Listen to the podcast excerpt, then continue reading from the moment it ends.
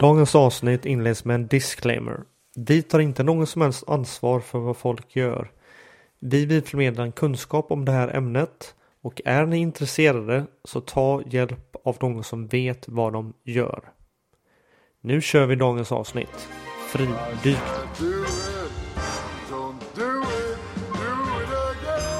Jaha, var börjar Ja. vi någonstans då? Patrik, ska du, du, du eh, har ju, du är lite freestyler sådär så att du kan väl dra ett litet intro? Ja, jag får väl göra det då. Sa han tveksamt. Ja, men jag kör igång här. här idag har vi med oss en gäst som heter Per. Jag känner inte Per, Jesper känner Per väldigt väl. Och idag ska vi prata om fridykning. Och jag vet absolut ingenting om fridykning kan jag säga. Förutom det jag har läst på nu då. Vilket då innebär att jag kan lite grann men jag skulle ändå säga att jag kan ingenting. Det är väl nog ingenting som jag har varit sådär nyfiken på kanske. Men så när Jesper pratade om det så då helt enkelt så blev jag väldigt nyfiken på det. Så eh, jag vill hälsa Per välkommen och eh, jag tänkte att du kunde göra en liten kort presentation av vem du är och ja, vad du jobbar med och sådär kanske. Alltså du får dela med dig av det du vill helt enkelt. Ja, visst. Tackar så mycket. Kul att vara här. Ehm, som sagt, jag heter Per. Jag kommer från eh, Katrineholm, Sörmlandska skogarna. Ehm, bor nu för tiden i Spanien sedan några år tillbaka. Ehm, jag började, fridykningen började med för, alltså på, på ordentlig nivå om man säger. Det är något som jag alltid har gjort egentligen. eh, som, sen barnsben. Började simma under vattnet innan de började lära sig simma på ytan och sånt där. Så det är som alltid alltid fascinerat mig att befinna mig under ytan. Men det var väl, det måste ha varit 2015 tror jag, så började jag fridyka sådär med strukturerad träning eh, i Indonesien. Hade jag och min eh, numera sambo, vi hade bott i eh, Kina i några år tillsammans och tyckte att det var dags att göra någonting annat och lämnade det bakom oss. Så vi, eh, vi drog på en liten resa och körde lite yoga i Indien och sen så var det en dröm som jag hade att syssla med fridykning. Så åkte vi till Indonesien tränade upp oss lite där. Och jag tyckte att det var så pass skoj så jag fortsatte, tog vissa ytterligare kurser, stannade så pass länge så jag utbildade mig hela vägen till instruktör eh, där borta.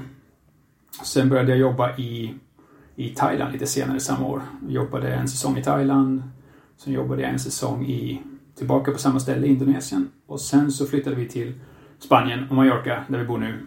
Och tanken var ju att fortsätta med fridykningen här då. Och det gjorde jag ett tag. Tills jag insåg att det var ganska svårt. Svårrott här i Europa. Vad beror det på? Det blir ju en kort säsong och det är väldigt svårt att, att få, få det gå runt pengamässigt. Det är mycket kostnader som är involverat och det är svårt att täcka dem med, med en säsong som är alltså en bra säsong på kanske 3-4 månader och en möjlig säsong på 6-7 månader. Men det är någonting som man kan livnära sig på. Ja, det kan man. Det är ju ja, olika förutsättningar beroende på var man bor. Men det finns absolut. Det finns, jag vet inte hur många de är, men det finns ganska stort antal ändå som, som har det som ett heltidsyrke. Den största destinationen nu för tiden är väl ja, det är Filippinerna, Indonesien, äh, Egypten. Um, sen lite, bland i, lite grann i Karibien också, men det är väl framförallt Egypten, Filippinerna och Indonesien som har växt upp. Häftigt.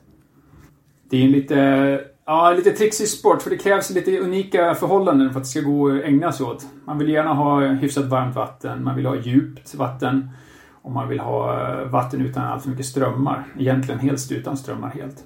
Och det är inte så många platser i världen där man hittar sånt. Helst ska man ha också djupet nära, nära stranden så man inte behöver åka så långt med en båt eller eh, sådär. Och det är inte så många ställen i världen som erbjuder djup nära, nära kusten. Men då, må, då måste jag få fråga. Är du ute efter att nå så djupt ner som möjligt eller är du ute efter att, att bara vara under så länge som möjligt för att få, få njuta utav dykningen? Eller båda kanske? Det där har väl förändrats lite grann. Det började ju som ett intresse egentligen av, av bara vara under vattnet.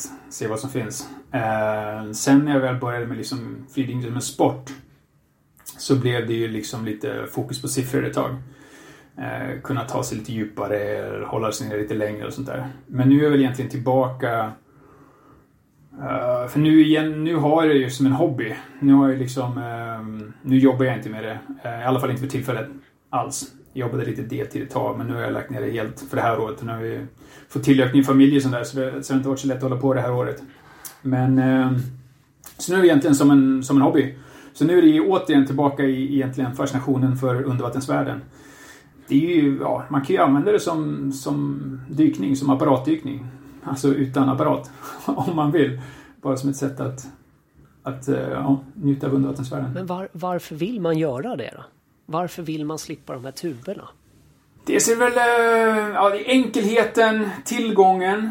Du vet, sommartid, eh, en mask, en snorkel, egentligen allt man behöver. Par badbyxor. Mm. är väl anständigt. Men det är egentligen allt man behöver. Ett par fenor så blir det ännu bättre. Eh, om vattnet är varmt nog. Så det är väl just det, liksom enkelheten att kunna bara sticka ut. Även här, som på Mallorca mitt i vintern, det blir inte kallare än typ 14 grader i vattnet. En våtdräkt, ett viktbälte, mm. fenemask snorkel så kan man liksom sticka ut, dyka året runt. Och det är ju, när man apparatdyker så är man ju mer bunden. Är, man måste ju liksom vara hyfsat nära ett dykcenter så man kan fylla sina flaskor. Man får ju längre liksom eh, undervattenstid per dyk, men å andra sidan som är begränsad till lufttillgången i en flaska. Så att apparatdyker man på någorlunda djup så blir ett dyk inte mer än kanske 45 minuter, sådär. 45 minuter, en timme. Eh, jag kan vara ute i fyra timmar. Ofta när jag är ute så är jag ute en tre, fyra timmar och dyker. Upp och ner, upp och ner. Och då är man ju, mesta delen av den, ytan, av den tiden blir ju på ytan, men man, man ackumulerar en hel del tid under, under vattnet också. Ändå skulle jag säga, då känns det som, och det var det du sa på slutet också, att då är det spontaniteten då jämfört med att det är mer förberedelse med tuber då eller apparater som du kallar det. Ja, precis. Det blir ju precis enkelheten. Att det liksom, ja precis spontaniteten. Det är lätt att bara sticka ut.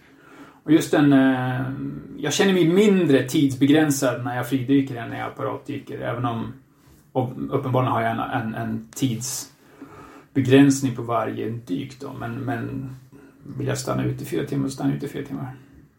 Vad är den tidsbegränsningen per dyk som du gör? Det, ja, det beror på ganska många faktorer. Hur mycket man, eh, ja, hur djupt man dyker, hur mycket man rör på sig är den största faktorn. Hur mycket man rör på sig.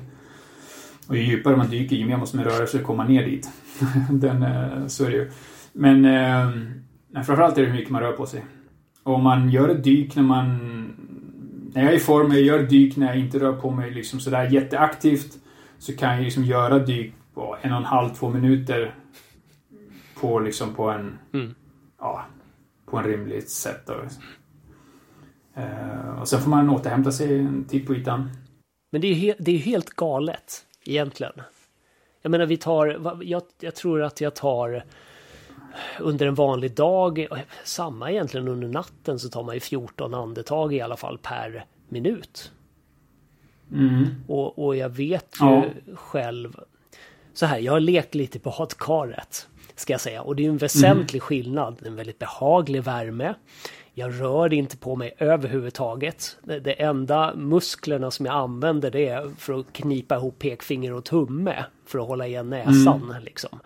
Ja. Eh, och, och, då har jag faktiskt klarat tre minuter. Men ja. då rör ju inte jag på mig överhuvudtaget. Nej. Jag tänker ju knappt.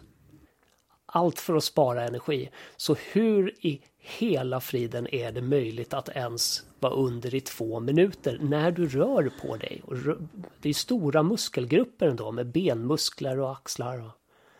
Jo, precis. Dels handlar det om att röra sig smart, inte röra sig mer än man behöver. Det gäller ju att vara lat, mm. så att säga. Eh, det är ju en nyckel. Uh, röra sig effektivt. Mm. Uh, strömlinjeforma sig och sen liksom låta utrustningen, fenorna. det är väl en förutsättning om, man ska, om jag ska göra så långa dyk.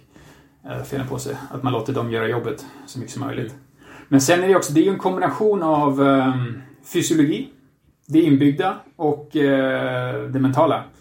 Det är ju liksom en mental barriär man måste ta sig över och lita på att kroppen faktiskt kan man får ju alltså, alltså andenöd som egentligen inte är särskilt... Jag tycker inte om det ordet egentligen, men man, man får ju känslan av att man behöver andas. Mm. Men då gäller det ju att man, man vänjer sig vid att man faktiskt inte behöver andas när man känner det. Vid en första liksom, ansats av det. Så det är en kombination det där att, att, att minimera sin rörelse, minimera sin syreförbrukning Och sen träna, eller träna det mentala, att, att man faktiskt klarar av det. Och sen kommer till på det fysiologiska effekter som slår in när man befinner sig under ytan och håller andan. Så får man ju gratis hjälp av kroppen som, som gör att det är möjligt. Va, vad menar du med gratis hjälp?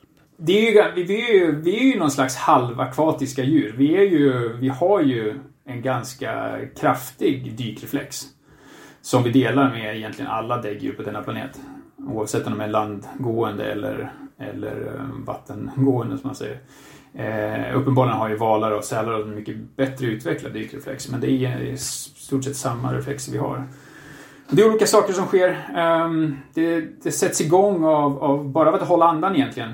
När koldioxidhalten i kroppen höjs så, så triggas vissa av de här reflexerna. Om man dessutom har vatten, det är framförallt kylan, kyleffekten i ansiktet som triggar ytterligare. Och har man dessutom ett tryck som man då får under ytan. Om man då har ytterligare den effekten på det så blir effekten ändå starkare. Mm. Så det som händer är att hjärtfrekvensen går ner automatiskt. Eh, håller man andan så går, så går hjärtfrekvensen ner. Det är ganska ett kul test man kan göra själv om man har tillgång till en, en eh, hjärtfrekvensmätare på något sätt. Pulsband eller något sånt där. Eller många klockor har det nu för tiden. Eh, om man har tillgång till det så kan man göra ett test. Att man, kan stå, man kan stå upp, andas. Så har man väl en puls. Det kan väl någonstans mellan 60 och 90 eller 100 beroende på hur, vilken form man är, hur mycket man liksom slappnar av. Så håller man andan en stund. Så börjar man gå. Så kommer man se att man har en lägre puls när du går och håller andan än när du står stilla och andas. Mm. Fascinerande. Det måste mm. jag ju testa sen. mm, precis. Om man dessutom då lägger till att man befinner sig under vattnet så blir den effekten ännu starkare. Så man kan få en, en kraftigt reducerad eh, eh puls. Det finns vissa Ja, det finns ju alltid liksom extrema exempel i här i världen, men det finns ett, par fridykare som har registrerat så lågt som åtta slag per, per minut. Hjärt, hjärtslag per minut under, under då passiv, helt inaktiv andhållning. Eh, en komapatient brukar ligga på 20 slag ungefär. Så det är en slags hälften av en komapatient. Häftigt. Ganska fascinerande. Så det, det är en av de grejerna som händer. Mm.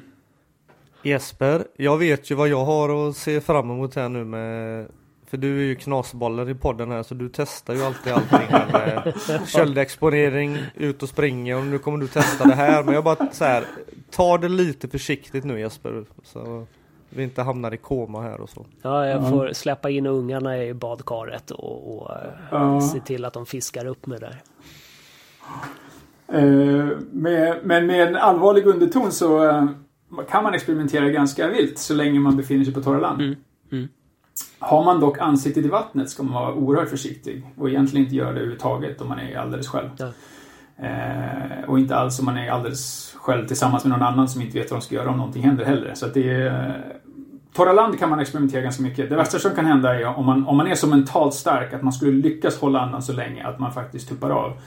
Eh, så kommer man att börja andas igen om några sekunder. Eh, automatiskt. Befinner man sig under vattnet och detsamma sker så, så blir det ju ganska tragiska konsekvenser. Norsk recept. Mm. Uh, ja, vi har ju varit inne på, vi har pratat tidigare här i ett avsnitt om köldexponering. Och där kom vi mm. in lite grann på det här med andningsövningar. Uh, vi mm. pratade om den här, han som har blivit väldigt känd på det, Wim Hof bland annat. Men uh, överhuvudtaget andningsövningar som har använts över hela jorden egentligen. Eh, och väldigt lång tid. Och vad det kan göra med kroppen. Och i, hur är det i det här fallet? Kan, eh, finns det andningsövningar man gör innan för att klara av bättre? Ja, ja, ja och nej får man väl säga. Det finns det väl egentligen. Det finns ju alltså ganska många alltså, duktiga fridykare som använder andningsövningar som del av sin träning. Och man har väl... Alltså man andas ju innan. Det är ju ganska viktigt hur man andas innan ett dyk. Men egentligen så är det... Um, utvecklingen har gått snarare åt det hållet att man gör mindre väsen av liksom, andningen innan. Det viktigaste är att man slappnar av. Liksom. Och man, kan, man kan använda andning till att slappna av. Men det viktigaste egentligen är att man, att man inte andas för mycket innan ett dyk. Uh, att man inte överandas hyperventilering som det kallas. Men om man, tänker, om man säger hyperventilering så tänker man ofta på att man liksom Och det eh, behöver inte vara den typen av andning för att det ska vara hyperventilering. Mm. Egentligen vilken andning man än gör som omsätter mer luft än vad man faktiskt har ett behov för i den givna situationen är en form av hyperventilering. Och all sån andning sänker koldioxidhalten i blodet, vilket får negativa konsekvenser för din dykförmåga.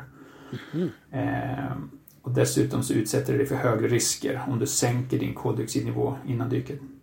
För det är koldioxidhalten, kroppen har egentligen ingen förmåga att avgöra direkt hur mycket syre som finns tillgängligt i kroppen. Eh, det enda kroppen har att läsa är nivån av koldioxid. Och de fungerar ju ofta så att när vi, eller det fungerar så att när vi konsumerar syre så, så producerar vi koldioxid. Mm. Eh, och kroppen har valt att läsa koldioxiden för att det är alltid lättare att läsa en, en ökande halt av något än en minskande halt av något. Så om kroppen då läser ökande halten av koldioxid så får man då en uppfattning, eller så får kroppen en uppfattning om hur mycket syre som finns tillgängligt. Och det funkar väldigt bra i, i normala situationer. Men problemet är om man hyperventilerar. Då sätter man det systemet lite ur spel. För då kan man ge kroppen intryck av att det finns mycket mer syre kvar än vad det gör för att koldioxidhalten är så fortsatt låg. Mm. Det, här är ju, det här är ju helt tvärtom egentligen vad man tänker. Tänker jag i alla fall. Man, man känner mm. att nu börjar det bli ont om, om syre och så tar man ett djupt andetag. Mm. Det handlar i själva verket om ett överskott av koldioxid som måste mm, ut. Precis, det är det, ja, precis. Det är det som triggar att man känner som att man måste andas. Uppbyggnad av koldioxid. Häftigt. Det är därför man ofta, folk som inte tränar i flygdykning, man bara håller på att experimentera lite, så är det ganska vanligt att folk börjar andas ut under ytan. Mm. För, att det, för då gör man sig av med koldioxid och känns det lite bättre. Men man gör ju samma andetag, eller samma utandning så gör man sig också av med det syre som man faktiskt fortfarande har kvar i lungorna. Så att man, är ju, man förlorar ju på det. Ja, just det. Är inte det här farligt då? Visst, vi har pratat om att man ska inte göra det själv i badkaret eller mm. under vatten överhuvudtaget. Men när du håller andan så här länge, är inte risken... Jag, jag vet när vi var yngre så fick vi ju höra mm. att är du utan syre i tre minuter så får du hjärnskador. Jo, fast det är ju när man är utan syre. Om man håller andan så är man ju inte utan syre. Mm. Man har ju fortfarande, det är det som är grejen, man har ju fortfarande allt det syre man behöver. Mm. Mm. Och sen är det ju mer grejer som händer. När man håller andan länge, framförallt under vatten, så är också eh, alltså kapillärerna i extremiteterna, i ben och armar, händer och fötter, de drar sig samman så att man får mindre syre, blod och därmed syre ut i i armar och ben och det centreras liksom runt de vitala organen. Så det syre man har tillgängligt då fokuseras där det behövs. Hjärna, hjärta, lungor. Mm. Framförallt då. Betyder det att det blir tyngre också att ta sig fram? Ja, det blir ju kol, heter det, koldioxid heter det inte, utan mjölksyra heter det. Mm. Man får ju man får ganska mycket mjölksyra. Om man, om man dyker Fridykning som sport har ju olika discipliner. Man kan ju dyka på djupet och man kan, man kan dyka på längden. Så att säga. Pool, poolfridykning är ju ganska populärt i Sverige också. Mm. Um, och då handlar det helt enkelt om att klara av så många vändor som möjligt i poolen fram och tillbaka egentligen på ett andetag. Så man kör på distans istället för på djup. Uh, och där är det ju där är det ren mjölksyretolerans. är det inte, men det är delvis mjölksyretolerans. Mm. Och sen är det också tolerans till låga nivåer av syre och höga nivåer av koldioxid och allt det där. Men det, det blir väldigt mycket mjölksyra. Hur långa sträckor klarar man? Hur många pollängder? Ja, det, det, ja, klarar man. Det beror på vem, vem man menar. Världsrekordet för, för män nu ligger på, ungefär, eller ligger på 300 meter. eh, det är helt, helt kan, galet. mm, det är ganska långt. Sex vändor i en olympisk bassäng. Det är, det är oerhört långt. ja. Så att det vi pratar nu är det som på engelska heter line and pool diving. Ja, det kan man, det går lite olika benämningar, men det kan man ju säga. Line diving och pool diving kan man kalla det. Mm. Eh, alltså fler, de flesta liksom städer av någorlunda storlek i Sverige har ju fridykarklubbar nu för tiden. Eh, det är liksom en, en, en, sport som utövas alltså regelbundet och stor, stor geografisk täckning. Eh, och mycket av säsongen handlar ju om, om pooldykning av förklarliga skäl i Sverige. Då. Eh, sådär. Och det, det, det, finns ju, eller har funnits Just nu är det väl inga uppe i toppen, men det, vi har, har ju funnits duktiga svenska fridykare på internationell nivå också. Men finns det någon slags eh, statusgrej så här? För jag, jag tänker väl att det här då när man är i en bassäng och man simmar på längden då behöver, man, då behöver man inte tänka på sådana här dykarsjuka och sånt. Men om man ska simma Nej. ner och simma ner 80-100 eller ja, vad det nu är de är nere på. Det är ju helt mm. sjukt. Då mm. har du ju den saken också. Mm. Så, typ, tycker de att de är lite häftigare då eller? Jag vet inte. Jag tror att det... Det finns ju dykare som är duktiga i båda disciplinerna, eller man säger i båda aspekterna av fridykning, både på, på längden och på djupet. Eh, så finns det vissa som är ganska specialiserade och har framförallt framgång i, i, i en av de två. Då. Eh, men jag tror att det finns ganska stor respekt för båda disciplinerna. För att de, de kräver, olika, kräver olika saker av, av dykaren.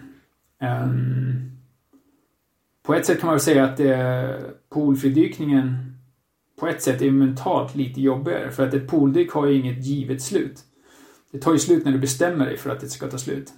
Ett djupdyk har ju ett slut. När du är tillbaka på ytan så är det slut. Liksom. Det är ganska lätt att tänka sig att man vill Ja, det är ganska lätt att visualisera ett, en, ett slut. Liksom. Men i pooldykning så är det liksom, måste man verkligen lära känna kroppen.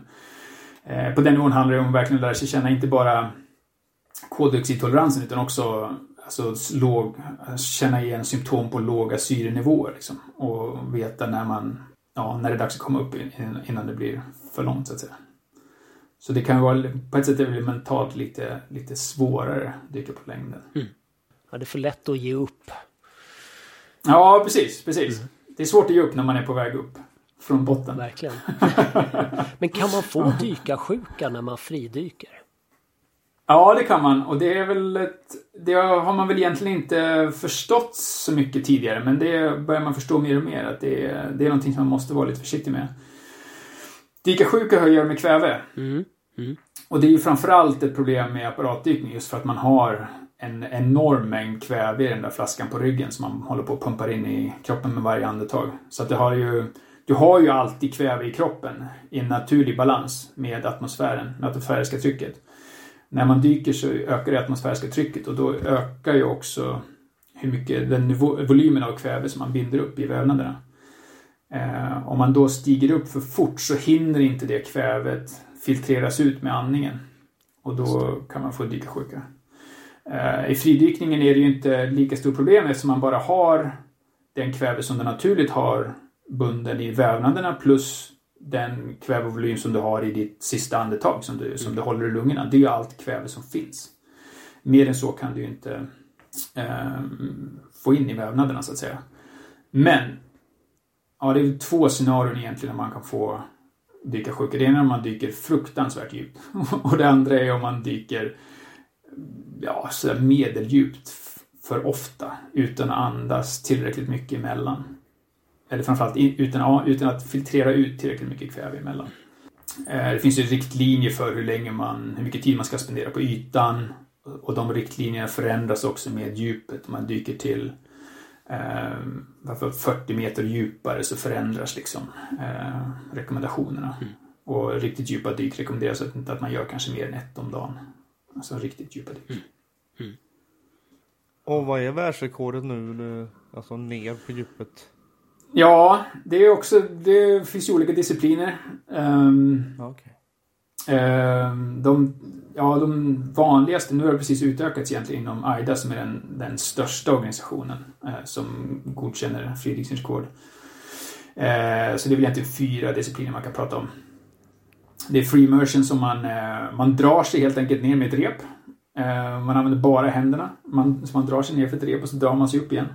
Och den där disciplinen som jag hade svårt att förstå innan jag började. Jag tyckte att det var ju väldigt sådär onaturligt och konstigt. Men det, det har jag förstått senare till. Det är, det är egentligen så fridykningen i många delar av världen kom till. Med pärldykare och sånt där. Ofta att man använder sig av rep för att ta sig ner. Sådär. Så det är ganska... Ja, det har en traditionell... Uh, traditionellt ursprung då. Så det är en disciplin. Och sen så finns det uh, discipliner där man simmar ner med fenor. Och nu för tiden så separerar man det om man, om man dyker med monofena eller om man dyker med eh, alltså stereofena, alltså två fena, en, en fena på varje fot. Då.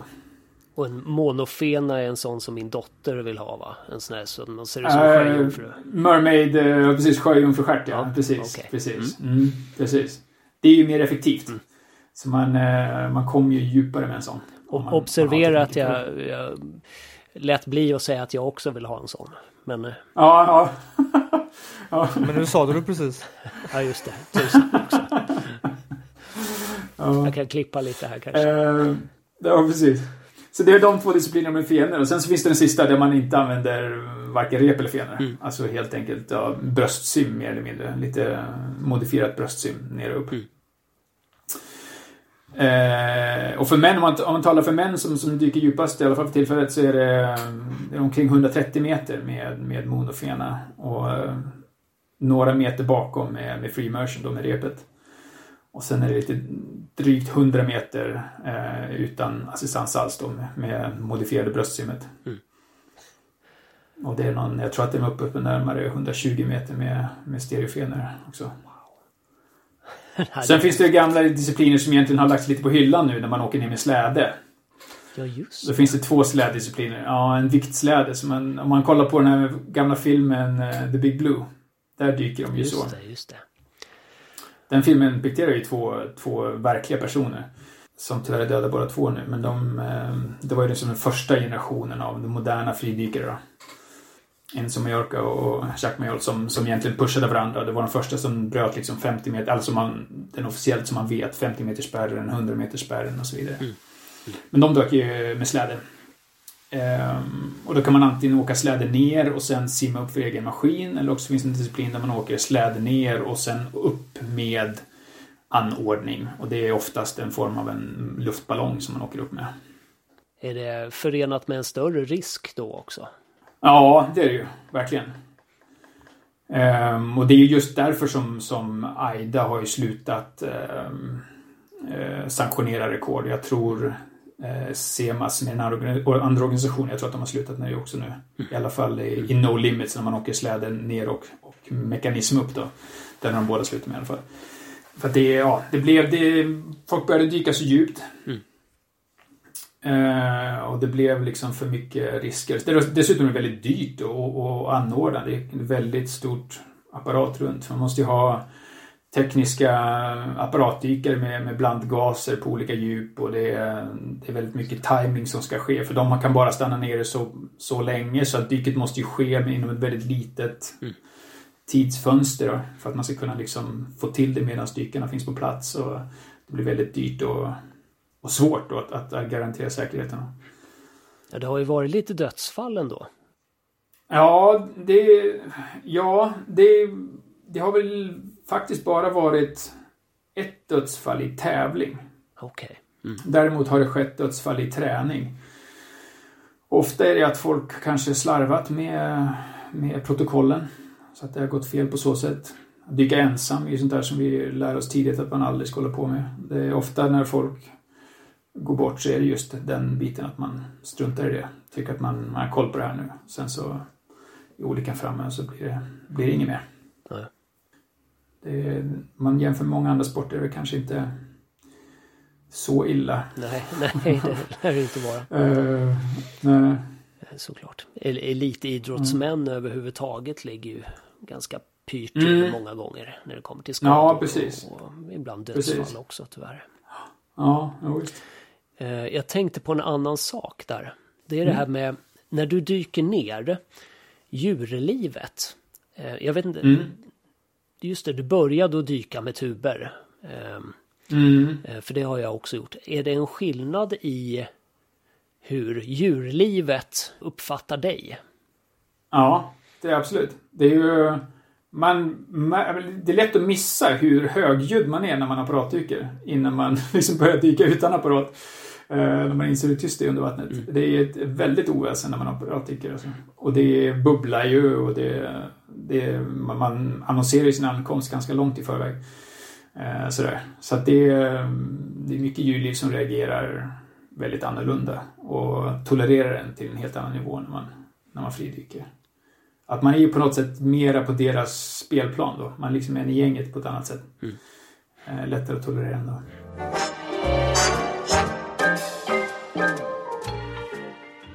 Jag hoppas du gillar det vi gör och om du vill ge oss en putt i rätt riktning så gilla gärna våra sidor och inlägg på Facebook och Instagram och dela vår podd till andra. Och vem vet? Kanske känner du att du har någonting som du skulle vilja berätta om för världen. Hör av dig! Man kan hitta oss på Instagram, OSVM-podd, på Facebook, Ovanliga samtal, vanliga människor, för och eftersnack. Och känner du för att mejla oss så hittar du oss på hej osvm.se. Hemsidan såklart är www.osvm.se.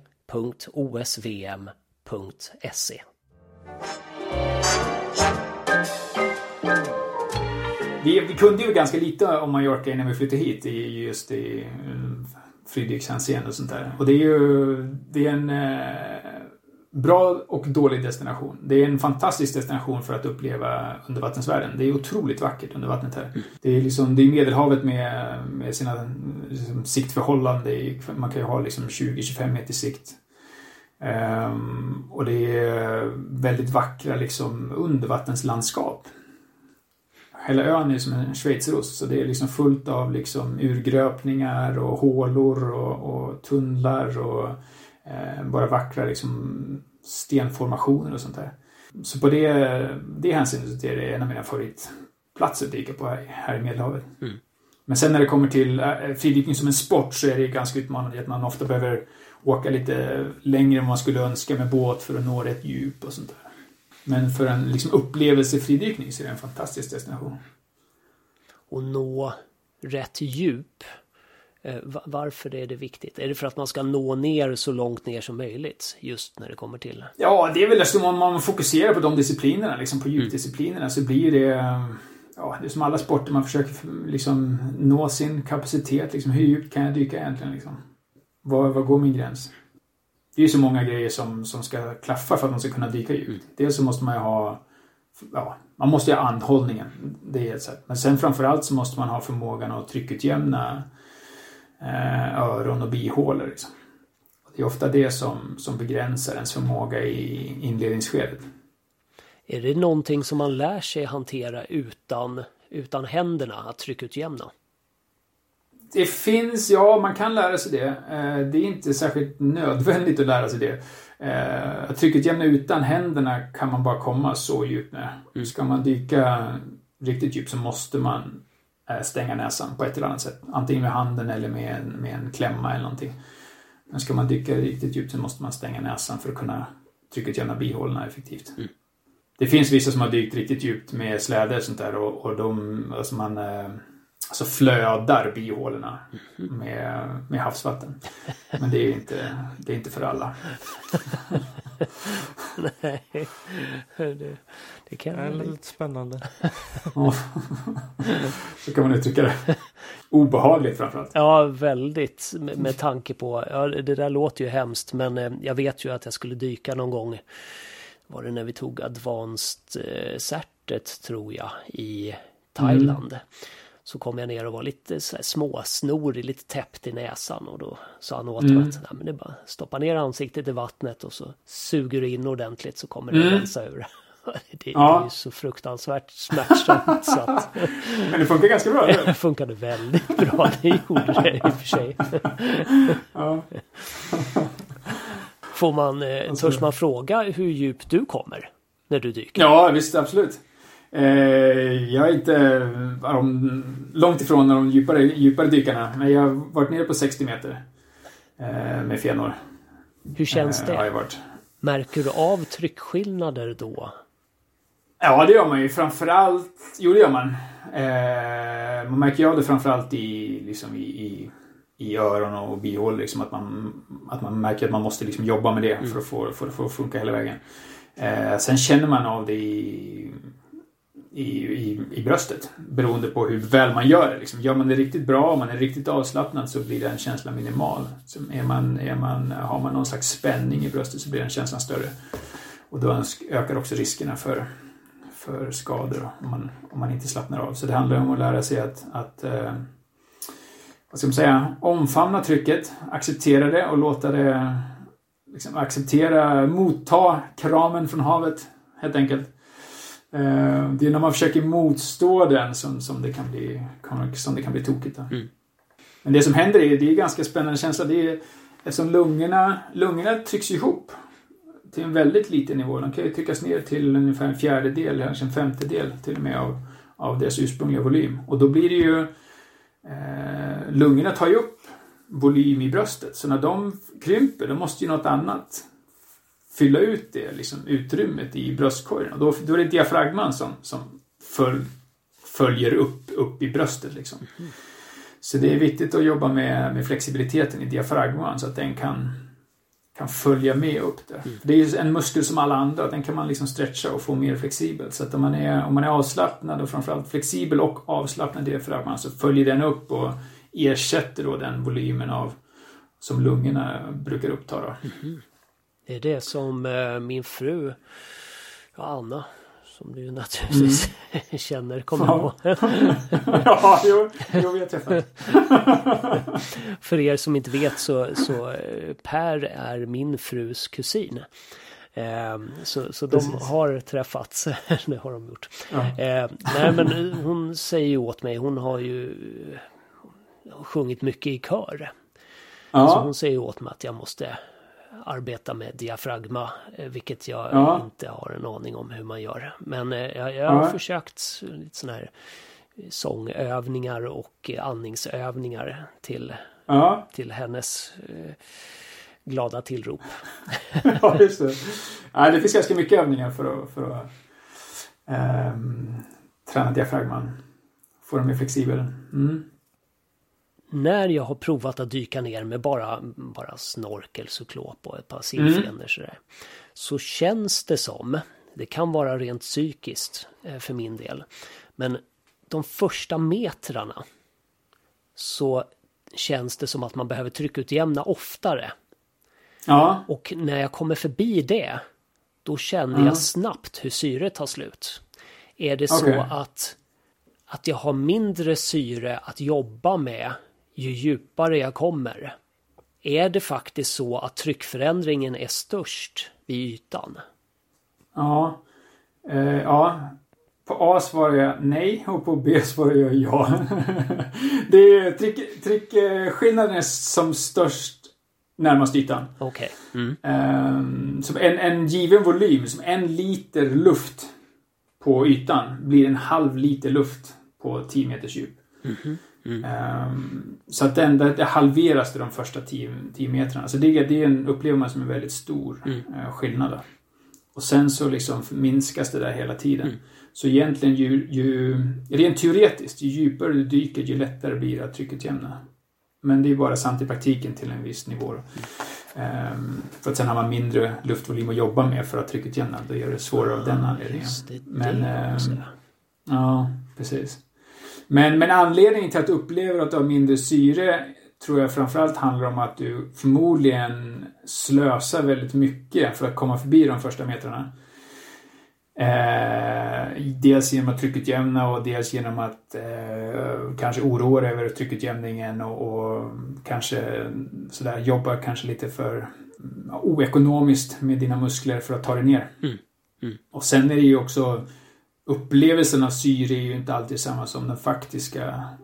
Man kan ju lätt uppleva att man har, liksom, tar slut just för att man kanske inte har eh, sinnesnärvaron eller att man inte är mentalt avslappnad och sånt där. Då, då får man ju oftast andnöd mycket fortare om man inte är liksom eh, bekväm i den situationen och avslappnad i situationen. Mm. Jag, jag vet ju själv att eh, senast vi provade det här för några år sedan så det tar ju inte mer än 20 minuter så är jag slut i alla fall. Då orkar mm. jag ju knappt dyka ner igen. Nej. Därför att eh, man är för trött. Det där är liksom en, en ehm, ja egentligen en, en timmes träning tror jag. Skulle du liksom kunna ta dig förbi det där. Mm. Det, det är egentligen det basic-grejen handlar egentligen, det, det viktigaste för att dyka, det är egentligen inte vad man gör under vattnet, det är vad man gör innan. Mm. Om man liksom är om man inte är liksom avslappnad och lugn innan, då spelar det inte så stor roll hur man dyker. Det kommer inte gå särskilt bra ändå. Så det är viktigast att man liksom bara andas normalt, inga konstigheter, bara andas lugnt, eh, normalt. Och se till så att man liksom får ner hjärtfrekvensen redan på ytan. Mm. Om man liksom håller på och simmar och plaskar runt på ytan och sen ska liksom ta ett andetag och dyka ner, då blir det ett kort dyk. Mm. Men om man liksom flyter på ytan, låter armarna hänga, andas lugnt och stilla i snorkeln. Sen tar man ett djupt andetag och sen dyker man liksom och behåller det lugnet som man har liksom skapat på ytan och tar med sig det ner under. Då eh, kan man dyka ganska bra även med ganska dålig teknik. Det låter som att meditation är någonting som, eh, som kan gagna det här. Kan det stämma? Ja, ja absolut. Eh, allting egentligen som, som hjälper är att slappna av är bra. Mm. Det är en, det är en sport för lata kan man säga. I den, det hänsynet. Det är det som gör det så, eh, tyckte jag var så fascinerande, eller jag tycker fortfarande det är så fascinerande med sporten, att det är, så, eh, det är en sån stark kontrast till många andra sporter där det handlar om att liksom eh, alltså uthärda liksom. Du vet, pressa på liksom. Springa liksom. Springa igenom smärttrösklarna liksom. Cykla uppför. Det handlar bara om att liksom, du vet, stå ut och pusha hårdare. Men i friidrotten är det precis tvärtom. Man måste hela tiden ta ett steg tillbaka liksom. Mm. Ehm, det går liksom inte att stressa sig framåt i fridykning. Det handlar hela tiden om att liksom bygga upp ehm, känslan av, av kontroll och känslan av eh, eh, av bekvämligheten. Liksom. Man måste vara bekväm och dyka till 10 meter innan det är dags att börja tänka på 12 eller 13 eller 15. Liksom. Eh, annars är det ingen mening med det. Man liksom hela tiden liksom flyttar den nivån där man känner sig lugn och trygg. Liksom. Men fysisk aktivitet låter som, som någonting som, eller träning då för att lära sig hushålla med syre och, och, och få ja. en väl fungerande kropp också det är ju det är ganska fascinerande. Man kan, man kan vara ganska dålig, liksom traditionellt fysiskt kardiovaskulär form och ändå göra ganska bra ifrån sig om man är duktig på att slappna av och har liksom rätt psyke för det. Så. Eh, vissa har ju talang för, psyk, för psyket och sånt där också. Så man kan, man kan komma till en viss nivå, och ganska bra nivå, mm. även om man är liksom ganska ofitt. Men ska man bli liksom riktigt bra, då måste man också ha den den fysiska fitnessen också. Om man, man kombinerar de två så kan man liksom komma riktigt långt. Mm. Men i, i början så är det egentligen det är mycket bättre att vara mentalt fit än att vara fysiskt fit. Mm. För att komma liksom eh, genom, över de första, liksom ganska många trösklarna. Vad har vi för trösklar där? Förutom de du har nämnt. Ja, precis. Det är ju folk jag har tränat ganska mycket studenter inom åren och det är, det är liksom folk stöter på trösklarna på olika, olika ställen. Eh, vissa har en jättetröskel precis i början. Att bara överhuvudtaget lära sig tryckutjämna med, med huvudet neråt är en utmaning för vissa beroende på hur, hur ens fysiologi ser ut. Ehm, så det kan vara en stor tröskel som gör att man överhuvudtaget inte kommer ner med liksom huvudet först. får man dyka med fötterna först till början kanske. Så det kan vara en, det är en tröskel. Och sen så kan det handla om, om mentalt, att man ehm, Ja, just att, känna, att, man, att man känner sig trygg. Så vissa kan liksom kanske dyka till 10 och sen så får de panik och sticker upp igen liksom. Kan stanna där liksom på runt 10. Och vissa stöter inte på det problemet förrän man kanske kommer till 20 eller till 30 eller till 40 eller till 50. Ehm, men sen finns det också Även om man lär sig liksom tryckutjämna med en god teknik i början så måste man lära sig nya tekniker för att dyka djupare. Då kan man stöta problem med de teknikerna. Sen kan man stöta problem med, med flexibiliteten eh, när man dyker djupt. Eh, så det är liksom, ja, det finns olika trösklar. Det är, det är tekniken med tryckutjämning, mm. flexibiliteten, den mentala biten. Eh, och sen när man handlar, när man kommer ner på större djup, det handlar ju också alltså att om, om, om mjölksyrotolerans och mm. sådana bitar också. Men eh, om jag bara, bara spånar vidare lite grann. Det, en, en, det som är lite fascinerande med det är ändå att man... Det är ju en... Eh, heter anaerobisk träning på svenska. Alltså det är en, mm. en anaerobisk eh, aktivitet. Så att man... Det är det man uppnår genom liksom hög intensitetsträning. Liksom att man, man, eh, för, att man konsumerar mer syre, syre än man kan förse kroppen med. Liksom det är ganska populärt med de här heat-träningar och allt sånt där. Man, man uppnår liksom en anaerob, ett anaerobt tillstånd. Eh, det gör man i fridykningen utan att behöva rusa hjärtat. Tvärtom, genom att sakta ner hjärtat så når man ändå ett anaerobt tillstånd. Och det får ju en ganska stark effekt på, på förbränningen. Mm. Så att det är, det är ganska lätt att, att tappa vikt i fridykning mm. eh, på grund av det. Eh, det är så att i kombination med att man dyker sällan, eller man dyker inte särskilt bra på en full mage så att ofta försöker man dyka på med en lätt frukost eller på fastande mage. Eh, så när man, man dyker mycket och dessutom försöker hålla magen tom när man dyker sånt där, så det, man får vara försiktig så man inte tappar vikt. Nu, nu känner jag mig lite dum här men det måste du nog gå in mera på. Hur kommer det sig att man tappar vikt när du faktiskt saktar ner hjärtat?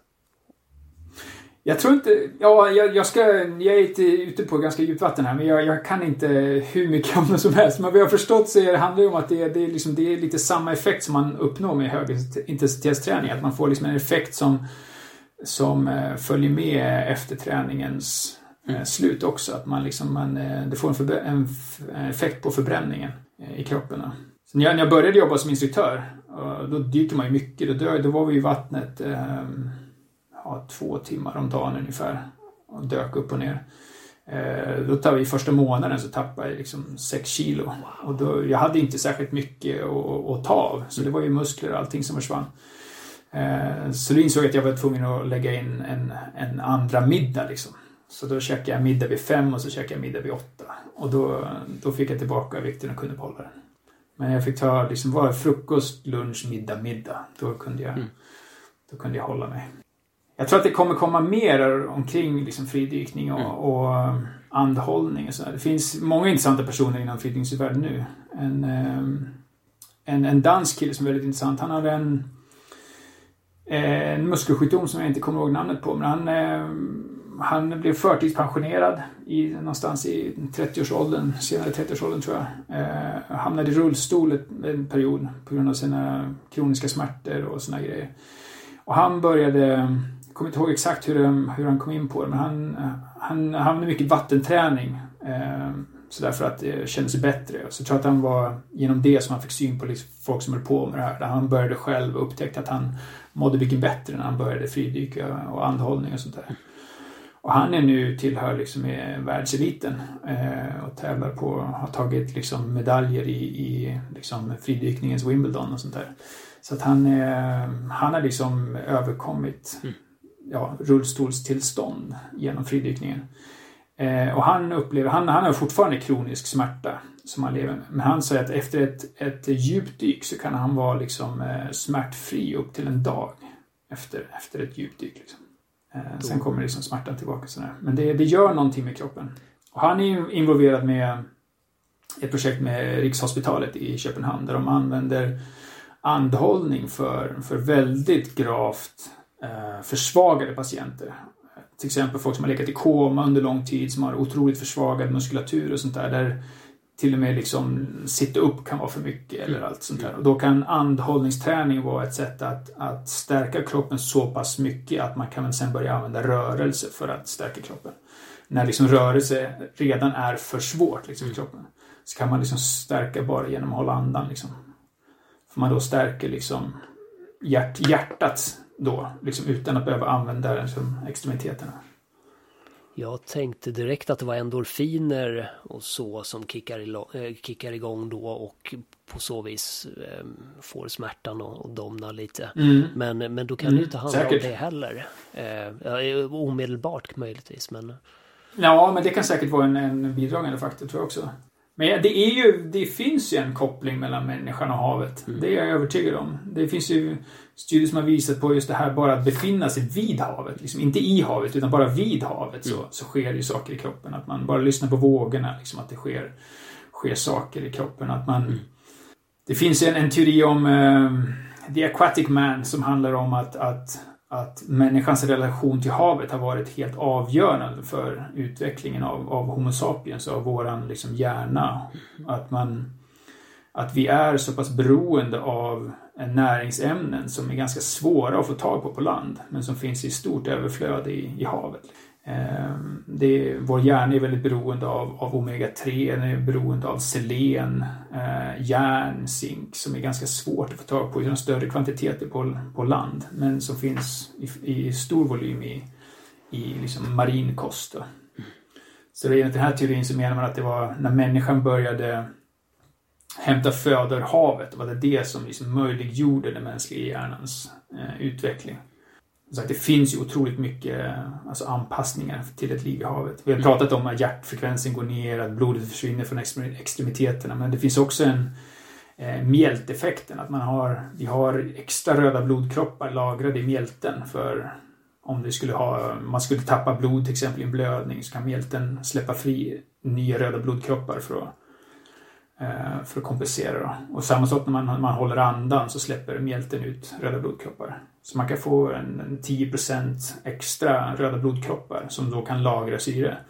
Så efter ett par dyk kanske för att trigga igång det så, så har man full kapacitet av röda blodkroppar i, i kroppen. Så att efter, efter ett par uppvärmningsdyk så kan man alltså lagra upp till 10% mer eh, syre i, i blodet då inför nästkommande dyk. Jag hade inte mm. en aning om det. Vad häftigt. Nej. Det finns också en, eh, en kvinna, en finsk kvinna som som eh, också levt med smärta. Eh, jag tror att det var en trafikolycka hon råkade ut för. Kronisk smärta. Hon började dyka eh, Hon började framförallt tror jag bada i is, eh, alltså vintervatten. Mm. Finska sjöarna och sen så började hon fridyka och sånt där. Så hon eh, använde det som en, en terapi för hennes en smärtterapi. Ja, jag, jag, jag blir väldigt nyfiken för vårt föregående avsnitt här med köldexponering så pratade vi med mm med Erik där då om, ja då, eh, om den här killen Wim Hof och, mm. och vi diskuterade lite där att om en del saker är vetenskap eller om det är ren då bluff eller om det är mm. mer så här att man inte vet. Och han hävdar ju typ att det han gör med andningsövningar och kylan då att han kan styra sitt immunsystem och sådana saker mm. och att han inte är sjuk. Så jag blir lite nyfiken på ehm, Ja, alltså nu vet inte jag exakt hur ofta du gör det här längre då, men när du håller på mycket och så, alltså märker du att du är att du är mindre sjuk och så eller får du liksom hälsoeffekter på kroppen? Alltså har du märkt av det eller är det ingenting du har tänkt på? Nej, jag tror inte det är någon, alltså, nej, får förkylningar emellanåt då också. Jag, jag tror inte att det är någon större um Uh, nej, alltså jag ska inte säga att jag har märkt att jag, liksom, när, jag, att jag, när jag dyker mer frekvent att jag känner mig liksom mer frisk rent generellt. Det, det ska jag inte säga. Mm. Uh, men jag tror att det också är, jag tror att det är lite annorlunda. Jag är ganska dålig, ganska okunnig om Wim Hof. Jag har bara väldigt på ytan kunskap om vad det egentligen innebär. Men vad jag har förstått så är det ju det handlar väl också mycket om, om hyperventilering i olika former eh, som då har liksom vissa, mycket effekter på kroppen. Och den hyperventileringen används, har ju använts mycket i många kulturer. Som I yoga så används det ju väldigt mycket för olika effekter. Eh, mycket klassiska yogaandningsövningar är ju olika former av hyperventilering och sånt där. Mm. Så att det har ju effekter som människan har liksom eh, exploaterat i ja, årtusenden till och med. Så det, är, det, finns ju någonting där, det kan man vara ganska säker på tror jag. Mm. Och då, då, ska man ju lägga till också att han använder sig av både hyperventilering, hypoventilering heter mm. det eh, när man stänger igen, tillsammans mm. med, eh, ja, med köldterapi. Där är han ju lite speciell därför att han har eh, han har ju ganska många världsrekord i sådana ja. grejer. Och, och, bara det ja. talar ju om att, att inte vem som helst ja, klarar av det här. Men om vi återgår till, jag kom precis på en sak och det var ju att vi gick på babysim. Jag vet inte Patrik, har du varit på babysim med, med din? Nej, det blev faktiskt inte att vi gjorde det. Jag ja, ångrar lite det kanske mest för min egen skull, men kanske mm. även tänker jag att hon hade fått en större jag säger vattenvana. Hon är lite rädd för vatten faktiskt mm. i dagsläget. Mm. Men eh, ja, nej, alltså, vi var tyvärr inte det. Nej. För att eh, första gången som vi hoppade i så tyckte jag det, jag, jag tyckte att det var lite taskigt ska jag säga. Jag kände mig som en hemsk pappa när man då ska dra ner det här barnet under vattnet plötsligt. Eh, men insåg ju ganska snabbt att den här, de här naturliga reaktionerna är väldigt starka mm. där. De stänger igen ja. direkt. verkar inte Ja, alls ja, reagera dåligt över utan Nej. tittar sig omkring och, och um, har truten stängd helt enkelt. Och det är fascinerande att se. Ja. Den sympatikreflexen är ju stark för att man, man, man lever ju första, om man nu ska kalla det liv, de första nio månaderna i vätska liksom. Så att det är ju... Eh, den finns ju stark och man pratar väl om att det är, den är som starkast liksom innan man börjar lära sig gå. Så att om man vill verkligen få liksom maximera effekterna av det ska man börja med babysim innan, innan man når den åldern. Mm. Men sen så även om man börjar liksom i, i vuxen ålder med fridykning så, så kommer ju dykreflexen finns ju där latent hela tiden. Så att den kommer ju att aktiveras när man än i livet börjar dyka. Och det som också är fascinerande med fridykning är att det, det finns en svensk kvinna som har gjort eh, forskning på eh, ama-kulturen. Eh, I Sydkorea och Ja- Japan finns det en, ja, får parallella kulturer med, med kvinnor som, som dyker för, eh, för att skörda havet helt enkelt. För, för musslor och, och seafood helt enkelt i olika former. Eh, och där, det är ju en, en, en krympande kultur, liksom en krympande praktik där. Men det är de som håller på, håller på väldigt högt upp i åldrarna. Och i de, ja, hennes studie så har man egentligen inte sett någon avtagande förmåga att dyka förrän omkring 75-årsåldern. Efter 75 år så börjar man se att den fysiska förmågan att dyka liksom avtar i en liksom fallande kurva. Men fram till 75-årsåldern så dyker man på ganska lika villkor. Det tycker jag är oerhört fascinerande. Det är det verkligen. Mm. Ja, det är häftigt. Så det, ja, det, det, det är någonting där. Jag är övertygad om det. Att det, det, det finns någonting mellan människan och havet. Jag tror att vi har... Jag tror att det finns något, någon, någon del av vårt ursprung Mm. som har en väldigt nära anknytning till havet. Så då är det ingen risk att ni flyttar långt ifrån havet. Det är svårare, ju längre man bor nära havet, ju svårare blir det. Alltså. Jag, jag skulle bara kännas oerhört svårt faktiskt. Jag insåg det här om här ett tag sedan. Att jag, de senaste tio åren har jag bott i fyra olika länder. Men jag har bott på öar i, i, i alla fyra länder. Så det var det är snart 12 år sedan jag bodde på fastlandet. Jag tror, jag vet inte. Det är någonting speciellt där, havet omkring sig. Det förstår jag, men du jobbade inte med det här just nu, eller hur? Just nu gör jag inte det. Nej, precis. Ehm, jag har väl tankar om att kanske ta, ta upp det igen på liksom någon lite sådär helg eh, och sådär. Mm. Köra några kurser per år kanske nästa år. Vi får se om jag kommer igång med det igen. Tack så jättemycket Per. Det var verkligen superkul att, att se dig och höra dig prata om det här. Det här är, är, är någonting som jag tycker är väldigt kul. Eh, Och jag vet Mm. Kul. att jag och Patrik har pratat en hel del om det här. Så att, eh, ja, det var super att du kunde ställa upp. Ingen fara. Ja, tack så mycket. Ja, absolut. Då så. Om du vill höra slutet på vårt samtal med Per, där han går igenom några andningsövningar och berättar vilken utrustning du behöver vid fridykning, så besök vår Patreon på patreon.com osvmpodd och sponsra oss. Det hjälper oss att driva och utveckla vår podd vidare. Det är Patreon som i P-A-T-R-E-O-N. Om du känner att du just nu inte har råd men ändå vill höra vårt avsnitt med Per. Hör av dig till oss på hej osvm.se och berätta om din situation så ska vi försöka lösa det. Om du vill sponsra oss på annat sätt, skicka ett mail. Vi är öppna för alla förslag. I said do it, don't do it, do it